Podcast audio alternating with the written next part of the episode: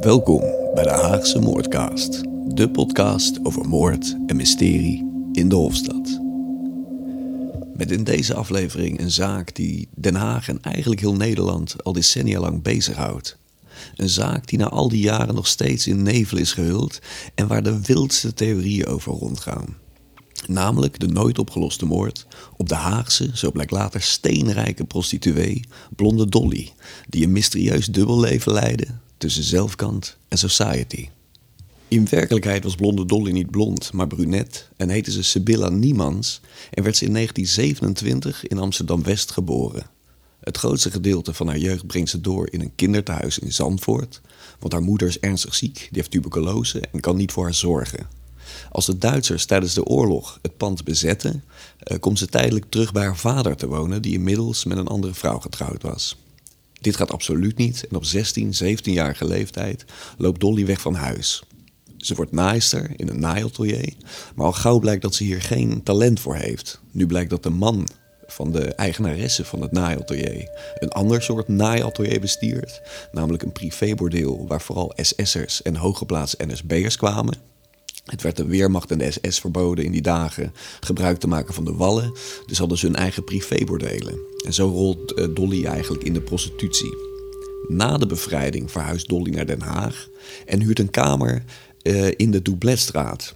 Uh, veel buurten waren in die dagen in Den Haag verpauperd. Het was onduidelijk wat er met de panden zou gebeuren. En pooiers die speelden hier handig op in door deze panden voor weinig geld op te kopen en kamers te verhuren aan sekswerkers. Uh, die Doubletstraat zit er nog steeds. samen met de Geleenstraat is het nog de enige hoerenstraat die we in Den Haag hebben. En wat veel mensen vaak vergeten, is dat hoewel Amsterdam vandaag de dag de naam als uh, prostitutiehoofdstad van het land heeft, dat het even Den Haag is geweest waar de meeste prostitutie was. En in de 16e en 17e eeuw, toen was het zelfs zo erg dat er meer prostitutie in Den Haag was dan in de rest van de toen nog republiek. In die Doubletstraat gaat ze in eerste instantie als donkere Molly aan het werk, als zelfstandig prostituee. Ze heeft dus geen pooier.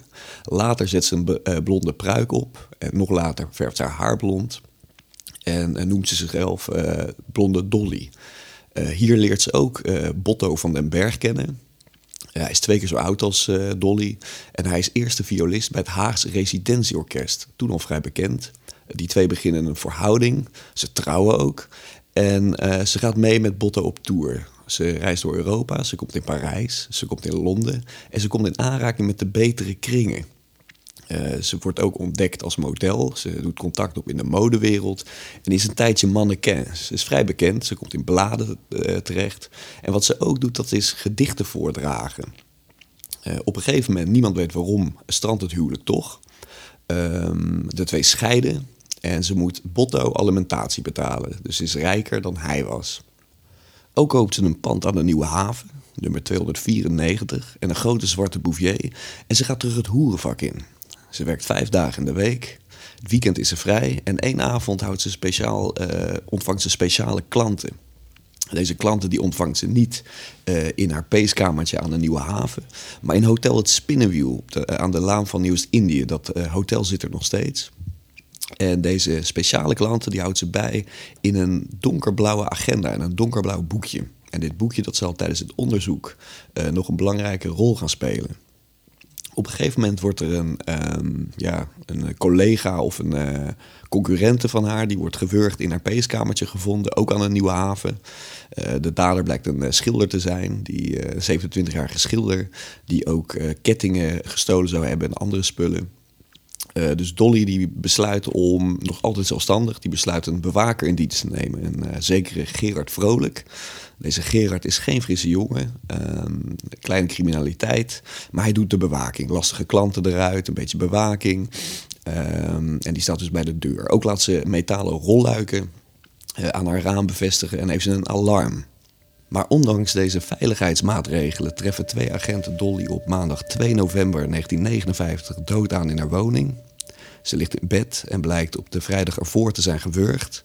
Maar wat de agenten nog meer aantreffen, dat zijn papieren waaruit blijkt dat uh, Dolly aandelen bezat.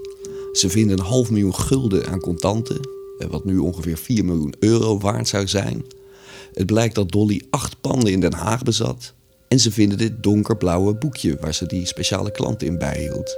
Maar op het moment dat ze dit rapporteren, wordt er van hoge hand ingegrepen. De hoofdcommissaris van de Haagse politie, Jan van Wezel, die bemoeit zich met de zaak. En op het moment dat hij dit doet, verdwijnt het donkerblauwe boekje helemaal uit het dossier. Nu is het natuurlijk opmerkelijk dat de hoofdcommissaris van de Haagse politie zich persoonlijk met deze zaak bemoeide. Een eh, simpele moord op een eenvoudige prostituee. Maar nog uh, uh, vreemder is het natuurlijk dat dit donkerblauwe boekje helemaal uit het onderzoek verdween. In het eerste procesverbaal zit het er nog wel in. En in het tweede, als de hoofdcommissaris zich ermee bemoeit, is het weggehaald. Uh, de zaak wordt verder ook niet opgelost. De hoofdverdachte, uh, Gerard Vrolijk, haar bewaker, die bleek een alibi te hebben. En ook haar ex-man, Botto van der Berg, die bleek met zijn viool op tour te zijn. Die kon het ook niet zijn. Dus de zaak wordt echt een cold case zaak. Feit is natuurlijk wel dat uh, Dolly bekende politici onder haar vaste klantenkring kon rekenen. dus haar speciale klanten die ze dus bijhield in dat blauwe boekje. Waarom mochten deze namen niet naar buiten komen? Er worden verschillende namen genoemd, waaronder de minister van Buitenlandse Zaken, Jozef Luns, die zou klant zijn. De burgemeester van Den Haag zou ook klant zijn. Misschien dat ze deze lui chanteerden en zo aan al dat geld kwam. Dat zou dus een optie zijn. Misschien zou zij dingen weten, te veel weten, dingen weten die zij niet mocht weten en daarom vermoord zijn. Misschien dat zij klanten herkende, klanten op hooggeplaatste posities, die zij herkende uit het privébordeel in Amsterdam voor SS'ers, waar ook hooggeplaatste NSB'ers kwamen er is natuurlijk vrij veel gecollaboreerd tijdens de oorlog. Eh, na de bevrijding. De kleintjes die werden er tussenuit gehaald. Maar de grote jongens die bleven buiten schot. wegens economische en politieke belangen. Uh, dat zou een mogelijkheid kunnen zijn. Uh, daarnaast had ze, bleek dat ze wekelijks contact had met een Russische diplomaat. Ehm, misschien zou ze in een spionagezaak verwikkeld zijn en daarom zijn vermoord. Kortom, er zijn na Dolly's dood uh, verschillende uh, geruchten op gang gekomen. waarin hooggeplaatste klanten achter haar dood zouden kunnen zitten. Uh, wie de dader is, zullen we waarschijnlijk nooit te weten komen. Uh, gek is ook dat uh, de hoofdcommissaris het dossier persoonlijk bij hem thuis bewaarde. En zijn zoon Hans van Wezel gevraagd heeft na zijn dood het dossier te vernietigen.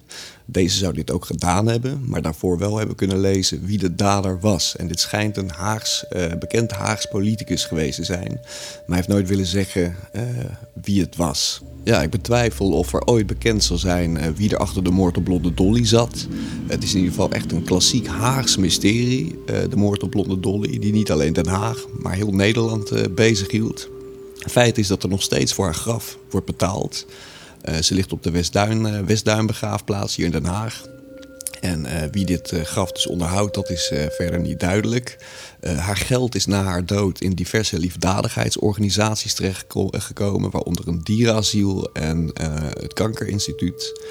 Ehm, tja, dus of deze moord ooit opgelost zal zijn, zal worden, ja, ik betwijfel het. Maar tot die tijd blijft de moord op Blonde Dolly de bekendste cold case zaak van Den Haag. Bedankt voor het luisteren en tot de volgende aflevering van de Haagse Moordcast.